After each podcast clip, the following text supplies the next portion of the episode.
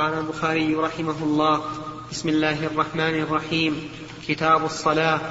باب كيف باب كيف فرضت الصلوات في الإسراء.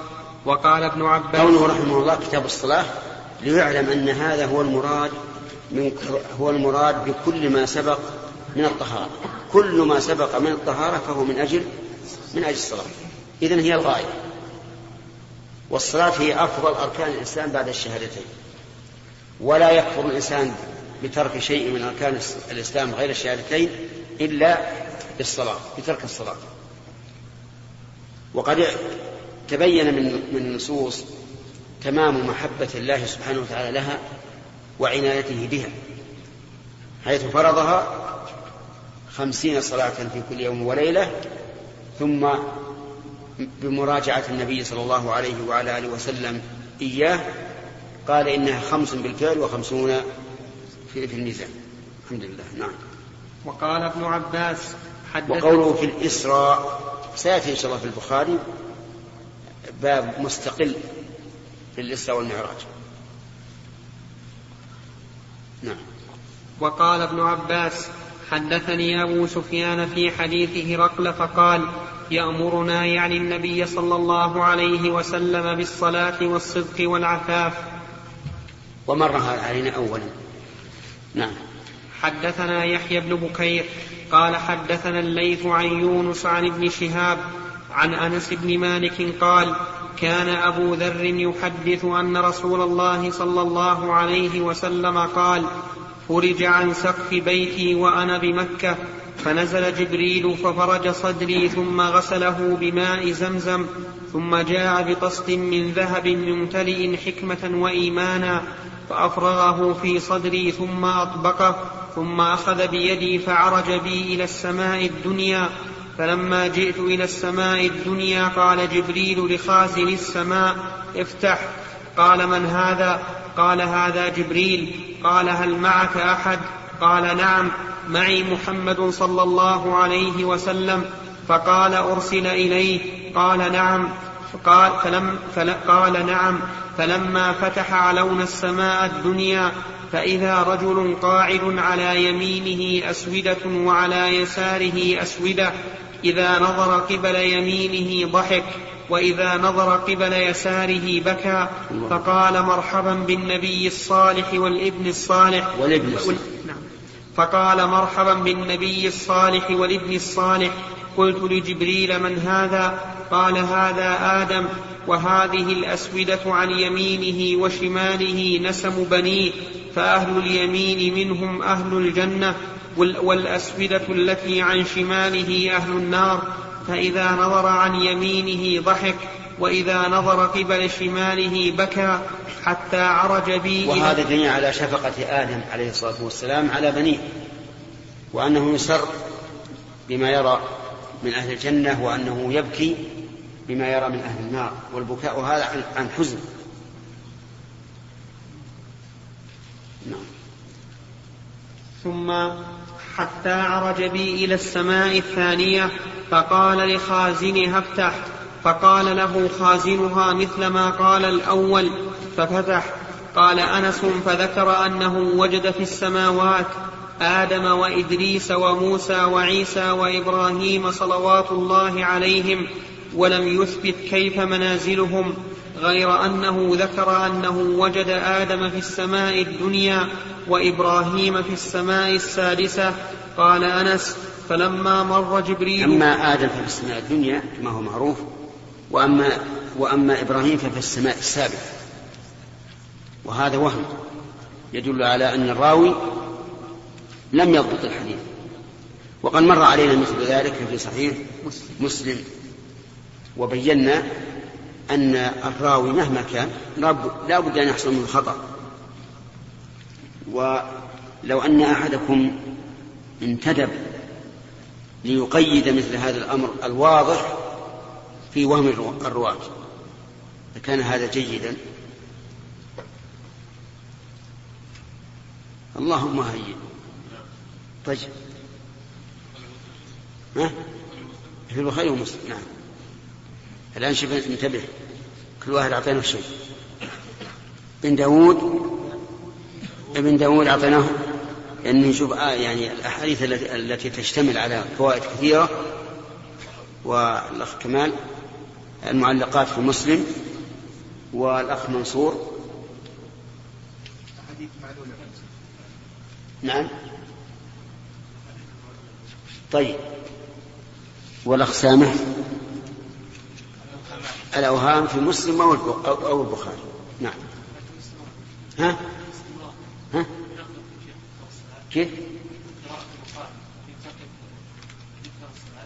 لا. ما هو يتغلط في الصلاة لا قال كل كل المجلد الأول. ها؟ إلى النكاح. وين؟ نعم. كيف؟ أنا كنت في الأول الحقيقة أنا كنت في الأول فاهم أنه إلى إلى الصلاة. لكن قالوا لا ما سبت نعم. لا ما أسئلة حتى ينتهي الحديث. قال أنس فلما مر جبريل بالنبي صلى الله عليه وسلم بإدريس قال مرحبا بالنبي الصالح والأخ الصالح. فقلت من هذا؟ قال هذا إدريس. ثم مررت بموسى فقال مرحبا بالنبي الصالح والأخ الصالح. قلت من هذا؟ قال هذا موسى. ثم مررت بعيسى فقال مرحبا بالأخ الصالح والنبي الصالح. قلت من هذا؟ قال عي قال هذا عيسى. هذا أيضا هذا من الوهم. هذا من الوهم لأنه جعل عيسى بعده بعد موسى يعني أرفع منه وليس الأمر كذلك. نعم. ثم مررت بإبراهيم فقال مرحبا بالنبي الصالح والابن الصالح. قلت من هذا؟ قال هذا إبراهيم صلى الله عليه وسلم. قال ابن شهاب فأخبرني ابن حزم أن ابن عباس وأبا حبة الأنصاري كانا يقولان قال النبي صلى الله عليه وسلم ثم عرج بي حتى ظهرت لمستوى أسمع فيه صريف الأقلام. قال ابن حزم وأنس بن مالك قال النبي صلى الله عليه وسلم شوف شو من المعتبرة هذه. انتهى بس ما نكمل يا شيخ. القطعة ما القطعة هذه. لا طويل. نعم. بسم الله الرحمن الرحيم. الحمد لله رب العالمين وصلى الله وسلم على نبينا محمد وعلى آله وصحبه أجمعين. قال البخاري رحمه الله تعالى في صحيحه في باب كيف فرضت الصلوات في الإسراء في قراءة بقية الحديث ثم عرج بي حتى ظهرت لمستوى أسمع فيه صريف الأقلام. قال ابن حزم وأنس بن مالك قال النبي صلى الله عليه وسلم ففرض الله على أمتي خمسين صلاة فرجعت بذلك حتى مررت على موسى فقال ما فرض الله لك على أمتك؟ قلت فرض خمسين صلاة. قال فارجع إلى ربك فإن أمتك لا تطيق ذلك. فراجعني فوضع شطرها فرجعت إلى موسى قلت وضع شطرها. فقال راجع ربك فإن أمتك لا تطيق. فراجعت فوضع شطرها فرجعت إليه فقال ارجع إلى ربك فإن أمتك لا تطيق ذلك. فراجعته فقال هي خمس وهي خمسون. لا يبدل القول لدي. فرجعت إلى موسى فقال راجع ربك. فقلت استحييت من ربي. ثم انطلق بي حتى انتهى بي إلى سدرة المنتهى وغشيها ألوان لا أدري ما هي. ثم, ثم أدخلت الجنة فإذا فيها حباي حباين اللؤلؤ وإذا ترابها المسك.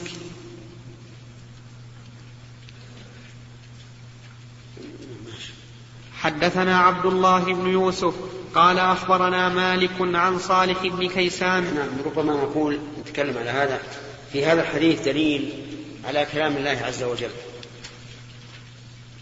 وأنه يتكلم بحرف وصوت مسموع. سمعه النبي صلى الله عليه وعلى آله وسلم وراجعه فيه. وأن وأنه جل وعلا لا يبدل القول لديه إذا حكم.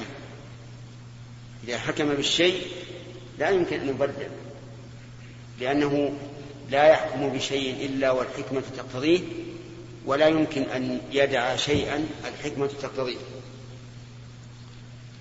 وفي هذا دليل على أن الله قد ييسر قد ييسر للتيسير من لا يخطر على على البال أن يفعل مثل أن الله يسر موسى عليه الصلاة والسلام حتى سأل النبي صلى الله عليه وسلم ماذا فرض الله عليه وعلى أمته؟ فقال كذا وكذا. نعم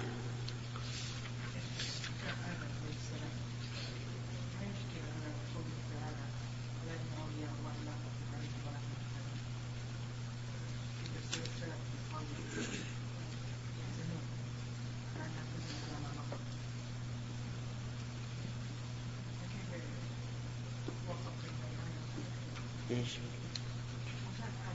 طيب يبكي على ما مضى. يبكي على ما مضى؟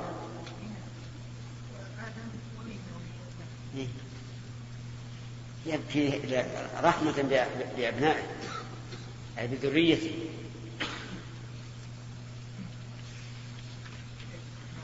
نعم يبكي على ما حصل لذريته من الانحراف حتى صاروا منهم النار. أما الحزن على ما, ما يتعلق بنفس الإنسان نعم.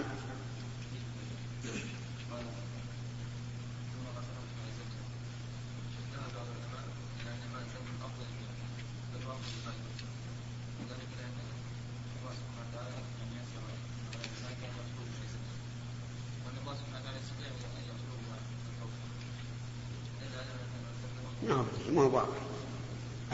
وليس بواضح.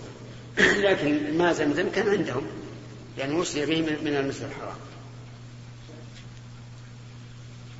عبيد الله.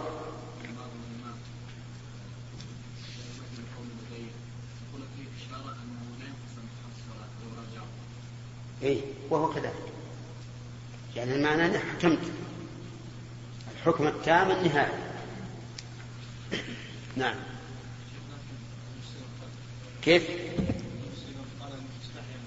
نعم. إيه ما منعه إلا بعد أن يتكلم. نعم. على كل حال هذا هذا الحديث في ترتيبه نظر. وقد عرفت إن في ترتيبه نظر من قبل. نعم.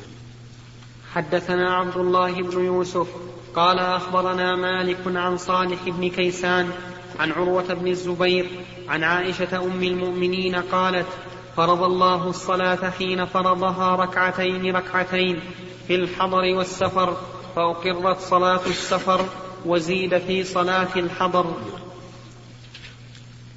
ظاهر هذا الحديث أن كون صلاة السفر ركعتين كان ذلك بناء على الأصل وليس قصدا لها ولكن في القرآن فلا جناح عليكم أن تقصروا من الصلاة. وهذا يدل على الأصل على أن الأصل فيها العدد الزائد أن الأصل فيها العدد الزائد. ولكن الظاهر أن هذا لا يعارض القرآن.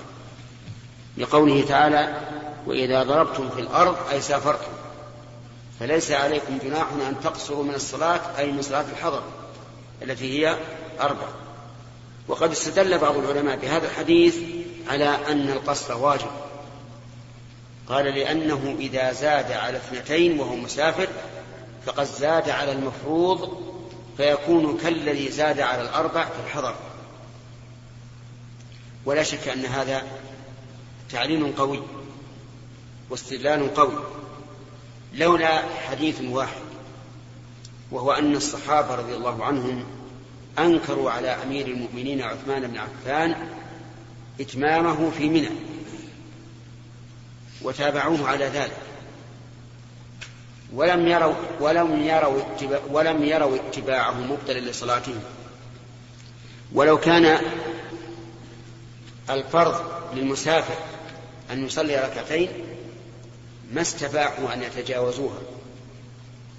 اتباعا للإمام. فالصواب على الصواب أن القصر بناء على هذا الحديث ليس بواجب ولكنه لا شك سنة مؤكدة. ويمكن أن نقول إنه مكروه أعني الإتمام لإنكار الصحابة لذلك. فإنكار الصحابة يدل على أنه إما مكروه أو محرم لكن اتباعهم لعثمان يدل على أنه أي القصر ليس بواجب. نعم. نعم يا سليم. إيش؟ لو حضر أربعة المسافرين جماعة في المسجد كثيرين ويصلون في المسجد في نفس المسجد. أفضل أن يصلون جماعة. يجب أن يصلوا مع الجماعة. قلنا أخذنا بالحديث بالحديث الركعتين قيل لابن عباس رضي الله عنهما ما بال المسافر يصلي ركعتين ومع الإمام يصلي أربع؟ قال تلك هي السنة. شيخ. نعم. صلى الله إليك. يذكر عن بعض العلماء بأنهم يرون أن الأفضل للمسافر للمسافرين إذا كانوا جماعة أن لا يصلوا في المساجد. نعم. لأنهم إن صلوا في المساجد فاتتهم سنة القصر. وإن صلوا جماعة اجتمعت لهم سنتان الجماعة والقصر. نعم. وهذا نعم. خلاص؟ لا خلاص نعم.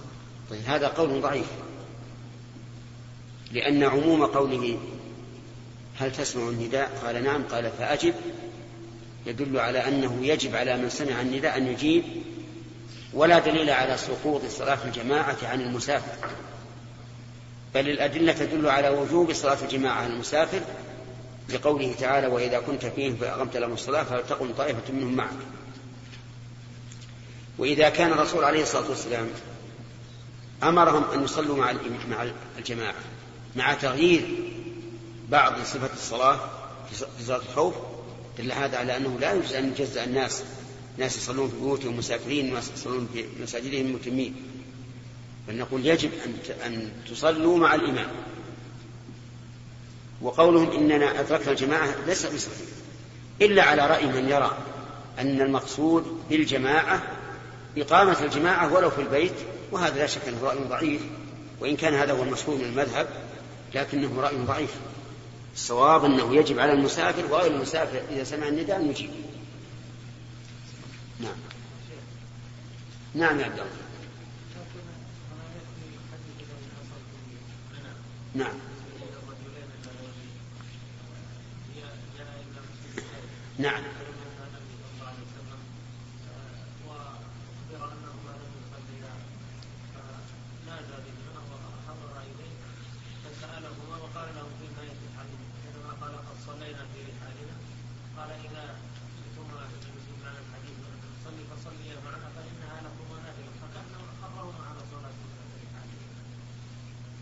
أقرهما على صلاتنا في الحديث طيب. والرسول مسافر ولا غير مسافر؟ الرسول مسافر وهم مسافرون. طيب هذه بارك الله فيك قضية عين. يحتمل أنهم صلوا في رحالهم ظنا منهم أنها قد فاتتهم الصلاة كما كما هو جار كثيرا. ويحتمل أنهم علم من حالهم أنهم جهال ولذلك ما ما صلوا مع الرسول. فقضايا الأعيان ما تفيد العموم كما هو مشهور ولذلك تجد أن الذين يناقشون أقوال العلماء في أدلتهم يقول يقول هذه قضية عين. فلا يمكن أن ندع النصوص الأخرى لاحتمال قد يكون وقد لا يكون. نعم. قال البخاري رحمه الله تعالى بسم الله الرحمن الرحيم. أبواب الصلاة في الثياب. باب وجوب الصلاة في الثياب وقول الله تعالى هنا عندنا عندكم؟ حتى ما أشار إليه الحاشية. ما يخل ما بس أنا بس أنا أخشى من اختلاف النسخ. ما ما نشوفها يا شيخ ها؟ طيب امشي. خلاص ما في مانع.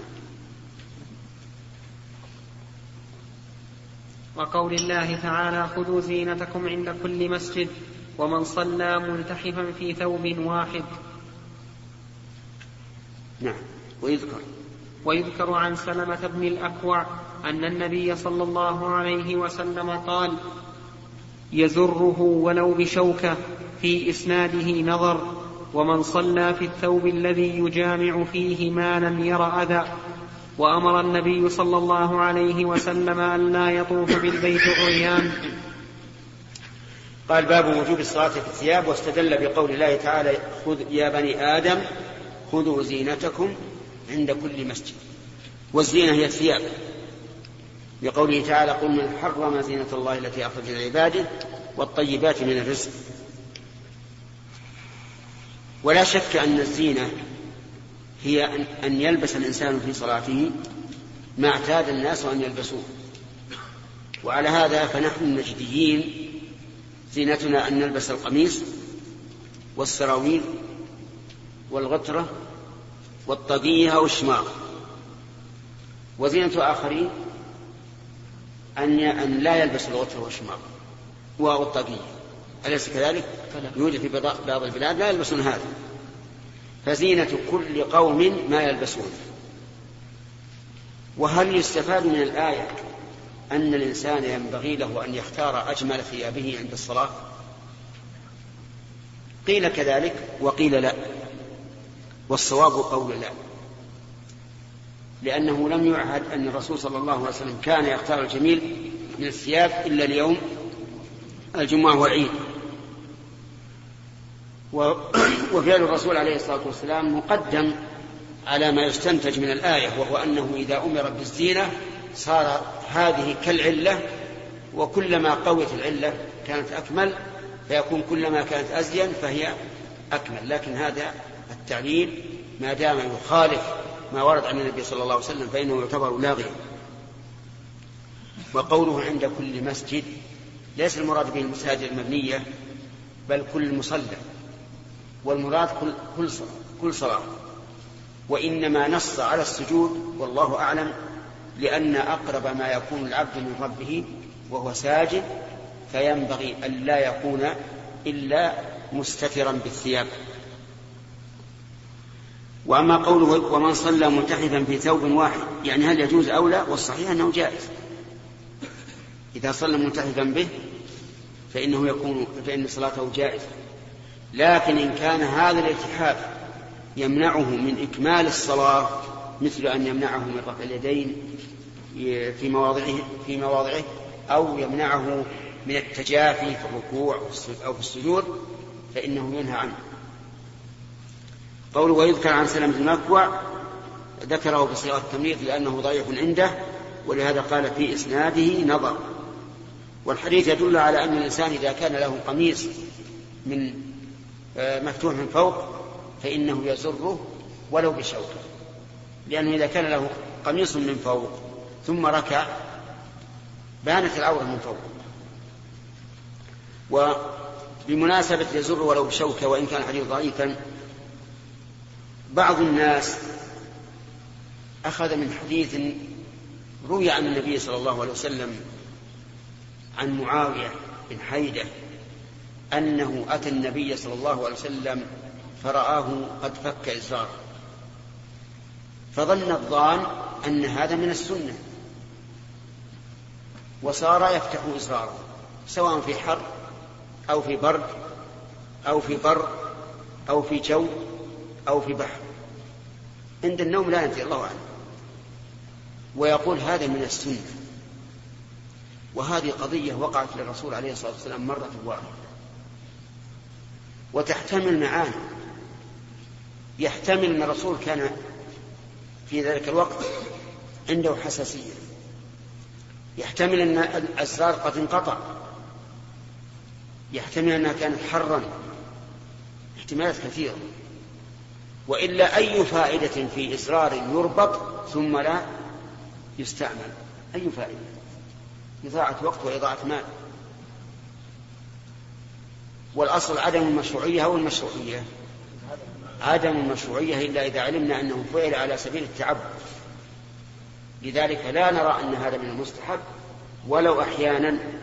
ليس مستحبا ولا أحيانا. لأنه لو كان مستحبا لكان هو العادة الراتبة للرسول عليه الصلاة والسلام أو لأمر به.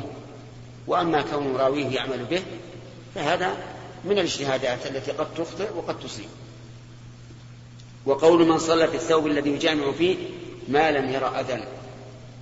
ظاهر كلام البخاري رحمه الله الميل إلى أن المني نجس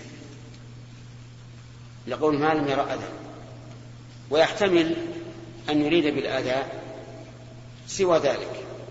وعلى كل حال فالصواب أن المني طاهر ولكن لا ينبغي للإنسان أن يصلي في ثوب فيه أثر المني. بل ولا ينبغي أن يخرج إلى الناس بثوب فيه أثر المني لأن الناس يستقدرون هذا. قال وأمر النبي صلى الله عليه وعلى آله وسلم ألا يطوف بالبيت عريان.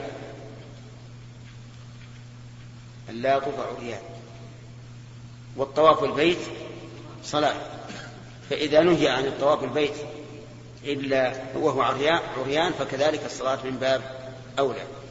وهذا لا يستلزم أن البخاري يرى أن أن البيت أن طواف البيت صلاة لأنه قد يقال إذا نهي أن يطوف بالبيت وهو عريان فطوافه فصلاته وهو عريان من باب من باب أولى. ولكن ليعلم أن الجاهلية أن أهل الجاهلية لجهلهم يقولون لا تطف بالبيت بثوب عصيت الله فيه. وبعضهم يقول لا تطف بالبيت إلا بثوب من ثياب أهل مكة. ولهذا تجد الإنسان منهم إذا قدم ذهب يستجلي من أهل مكة ثوبا ليطوف به. فإن لم يجد خلع ثوبه إذا دخل المسجد الحرام ثم طاف عريانا نسأل الله العافية. يطوف الرجل وذكره يتدلى ولا يبالون. والمرأة تستحي وتضع يدها على فرجها وتكون يدها أصغر. فتقول وهي تطوف اليوم يبدو بعضه أو كله وما بدا منه فلا أحله. تكشفين تقول ما أحله؟ الناس يمشون عميان ولا؟ فعلى كل هذا من الجهل يا أخوان. وأيما أشد تعظيما لله عز وجل أن يلبس الإنسان ثوبه ويطوف لله خاشعا حييا أو بهذه بهذه الحالة التي ذكر التي يفعلها الجاهلية. الأول بلا شك. لكن الجهل.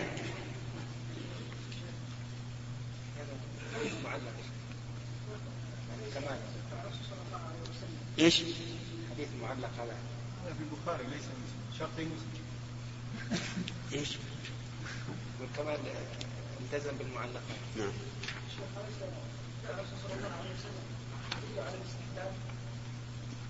إذا علمنا أنه فعله على سبيل التعبد ولا مجرد الفعل ما يدل على الاستحباب نعم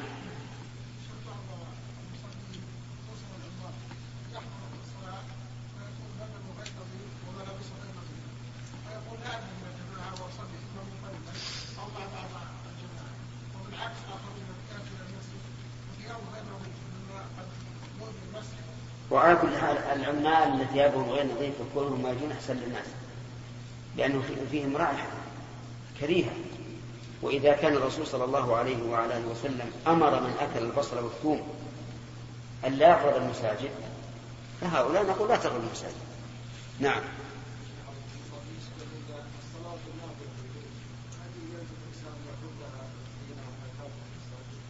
نعم.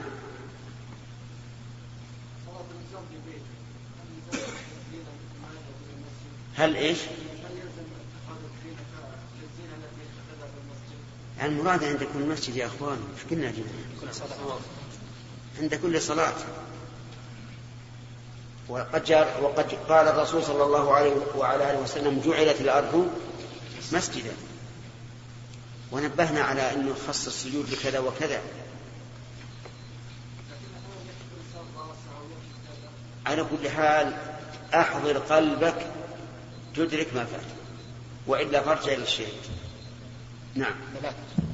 ثلاثة يلا. نعم. حدثنا موسى بن إسماعيل قال حدثنا يزيد بن إبراهيم عن محمد عن أم عطية قالت أمرنا أن نخرج الحويض يوم العيدين وذوات الحدور فيشهدن جماعة المسلمين ودعوتهم ويعتزل الحيض ويعتزل الحيض عن مصلاهن قالت امرأة يا رسول الله إحدانا ليس لها جلباب. قال لتلبسها صاحبتها من جلبابها. وقال عبد الله بن رجاء حدثنا عمران. قال حدثنا محمد بن سيرين. قال حدثتنا أم عطية سمعت قال حدثتنا أم عطية سمعت النبي صلى الله عليه وسلم بهذا. نعم. الشاهد قوله إحدانا ليس لها جلباب والجلباب هو الثوب الساتر لجميع البدن ويشبه العباءة عندنا فقال تلبسها أختها أو صاحبتها من جلبابها.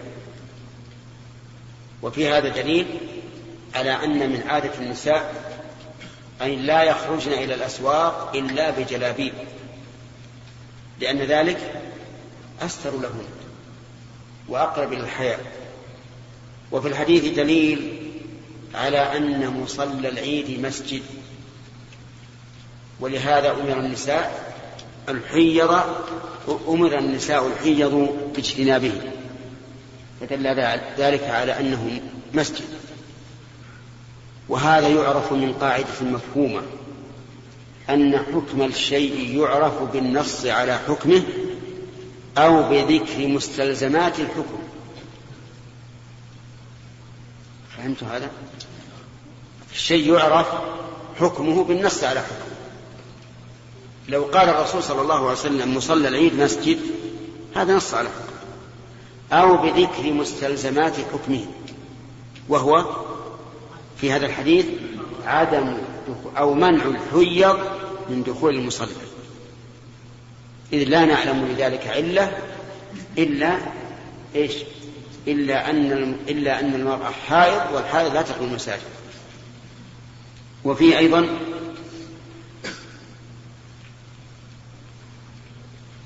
أن خروج النساء لصلاة العيد سنة مأمور بها. بخلاف غيرها من الصلوات. فغيرها من الصلوات الأفضل للنساء أن تصلي في بيوتهن. وأما العيد فيخرجن مع المسلمين. طيب. هل يستفاد من هذا اختلاط النساء بالرجال؟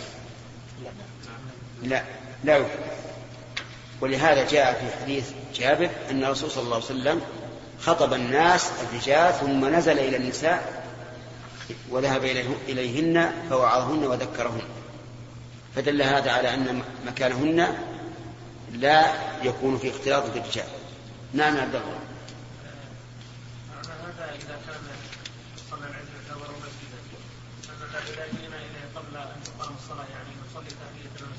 أي نعم. يصلي تحت المسجد. وما ينقل عن بعض الفقه يقول متى يصلى العيد قبلها ولا بعد نعم هذا صحيح. هذا منقول. وفي حديث أن النبي صلى الله عليه وسلم خرج إلى صلاة العيد فصلى ركعتين لم يصلي قبلهما ولا بعدهما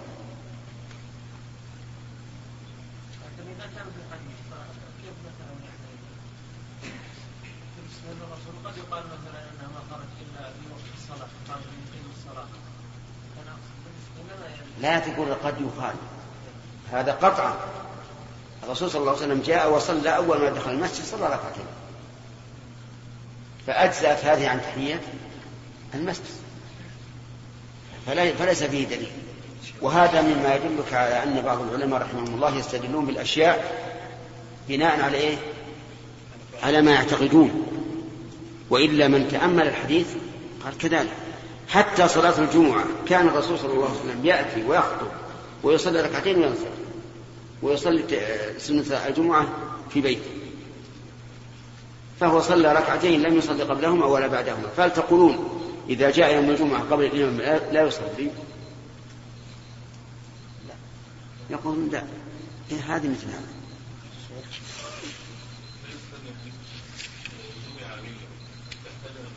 إيش؟ إيه؟ ما تقول في هذا؟ هل هذا الحديث يدل على وجوب إعارة من احتاج إلى اللباس حاجة حسية أو شرعية؟ قد يقال ذلك. قد يقال إنه يدل على وجوب إعارة الثوب لمن احتاجه إما حسا أو شرعا. وقد يقال أن هذا على سبيل الإرشاد والتوجيه. ولكن إذا قلنا بالوجوب وخافت المعيرة من إفساده أو الهرب به أو جهله يجب عليها أو لا؟ لا, لا يجب يسقط الوجوب نعم. شيخ ما نقول أنه هذا الحديث فيه دليل على وجوب خروج النساء إلى المصلى. نعم. لأنه حتى أمر الحيض. نعم. الحيض ما عليهن صلاة نعم. لما قلنا السنة. والله ما علمت أن أحد قال إنه إن صلاة العيدين واجب على النساء. إن كان أحد قال به فله وجهة نظر سلامة عاد أذناك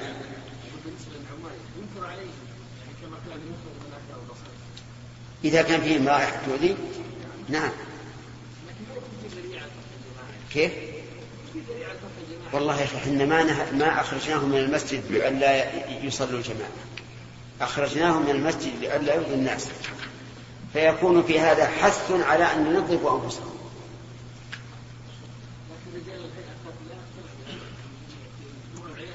لا لا رجال الهيئة إذا أخبرتهم جزاك الله الخير لكن نعم يقال لا لا, لا تشتغلوا والناس يصلون. هذا هو الذي يمنعون منه لأن هذه مخالفة ظاهرة. كيف؟ والله سمعت. نعم.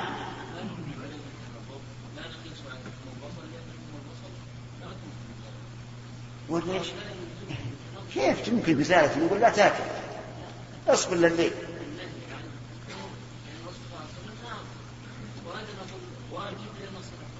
لا حتى هذا. هل هؤلاء لوثوا ثيابهم من أجل أن لا يصلوا؟ محتاجين يعملوا ما يجب الغسل. مشقة عليهم. مشقة عظيمة عليهم. ويمكن بعض بعضهم يمكن ما عنده غير هذا غير الثوب هذا. انتهى الوقت؟ لا لا. طيب. كمل.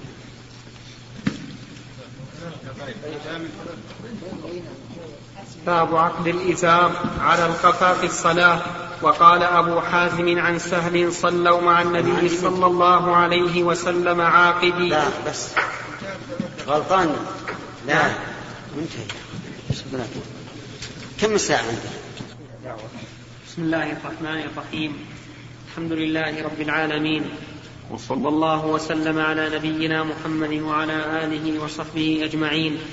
قال الإمام البخاري رحمه الله تعالى في أبواب الصلاة في الثياب باب عقد الإزار على القفا في الصلاة.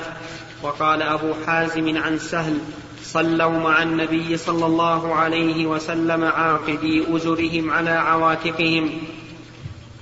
عاقدي أزرهم. اي نعم. سكون الزاي عاقد أزرهم على عوا... على عواتقهم. ها؟ أزرهم؟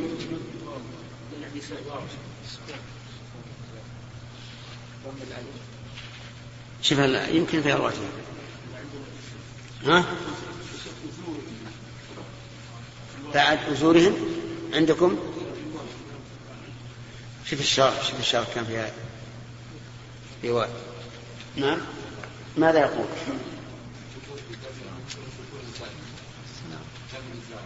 أزرهم طيب.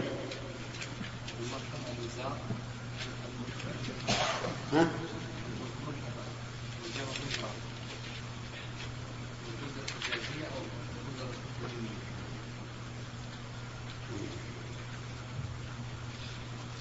طيب إذا الأذن كأنها هي الصواب ها؟ كيف؟ اي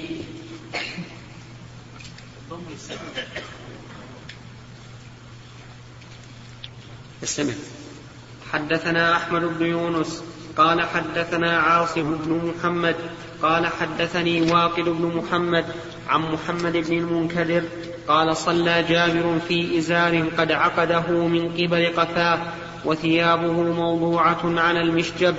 قال له قائل تصلي في إزار واحد فقال إنما صنعت ذلك ليراني أحمق مثلك وأينا كان له ثوبان على عهد النبي صلى الله عليه وسلم.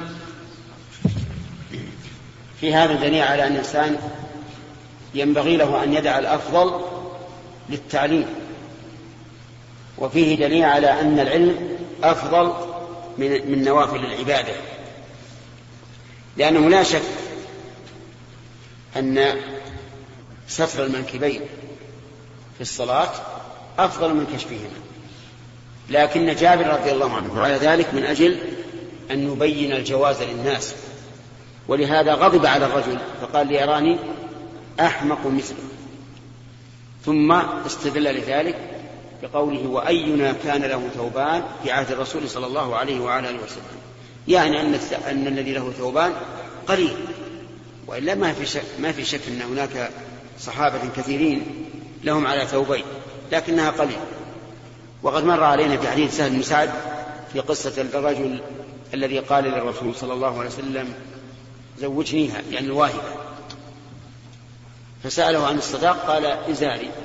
لأنه ليس عنده إلا إزار. نعم. خالد. نعم.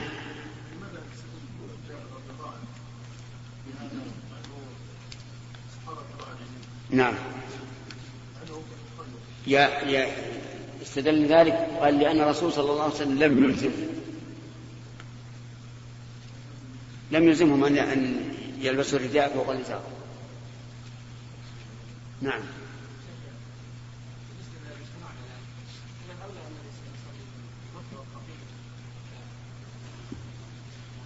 المجتمع عندنا نعم. لا من, من تمام الزينة أن يلبس الرأس والطقيم ها؟ لو صلى إيش؟ لو ترك فصلاته صحيحة نعم. إلا ما جرت به العادة. نرى أن الناس ولا سيما فيما سبق من الزمن إذا خرجوا في آخر النهار في أيام الصيف إذا خرجوا للبساتين نجد أنهم يضعون الغترة والشماغ على الكتف ثم يصلون وقد كشفوا رؤوسهم فإذا اعتاد الناس هذا صار داخلا في قوله خذوا زينتكم نعم.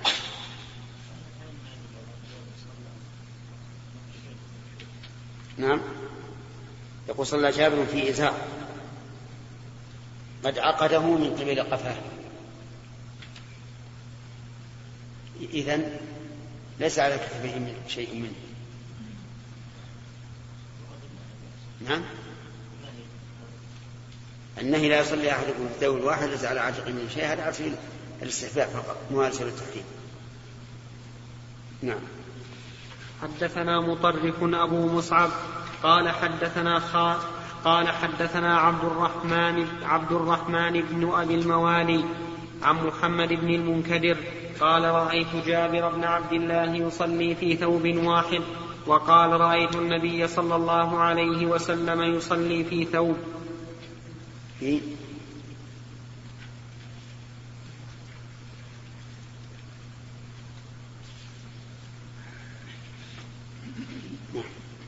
باب الصلاة في الثوب الواحد ملتحفا به. قال الزهري في حديثه الملتحف المتوشح. وهو المخالف بين طرفيه على عاتقيه وهو الاشتمال على منكبيه قال قالت أم هانئ التحف النبي صلى الله عليه وسلم بثوب وخالف بين طرفيه على عاتقيه.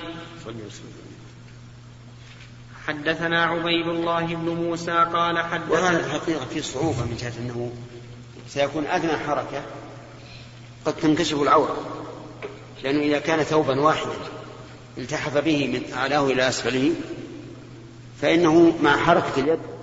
من فضلك اقلب الشريط.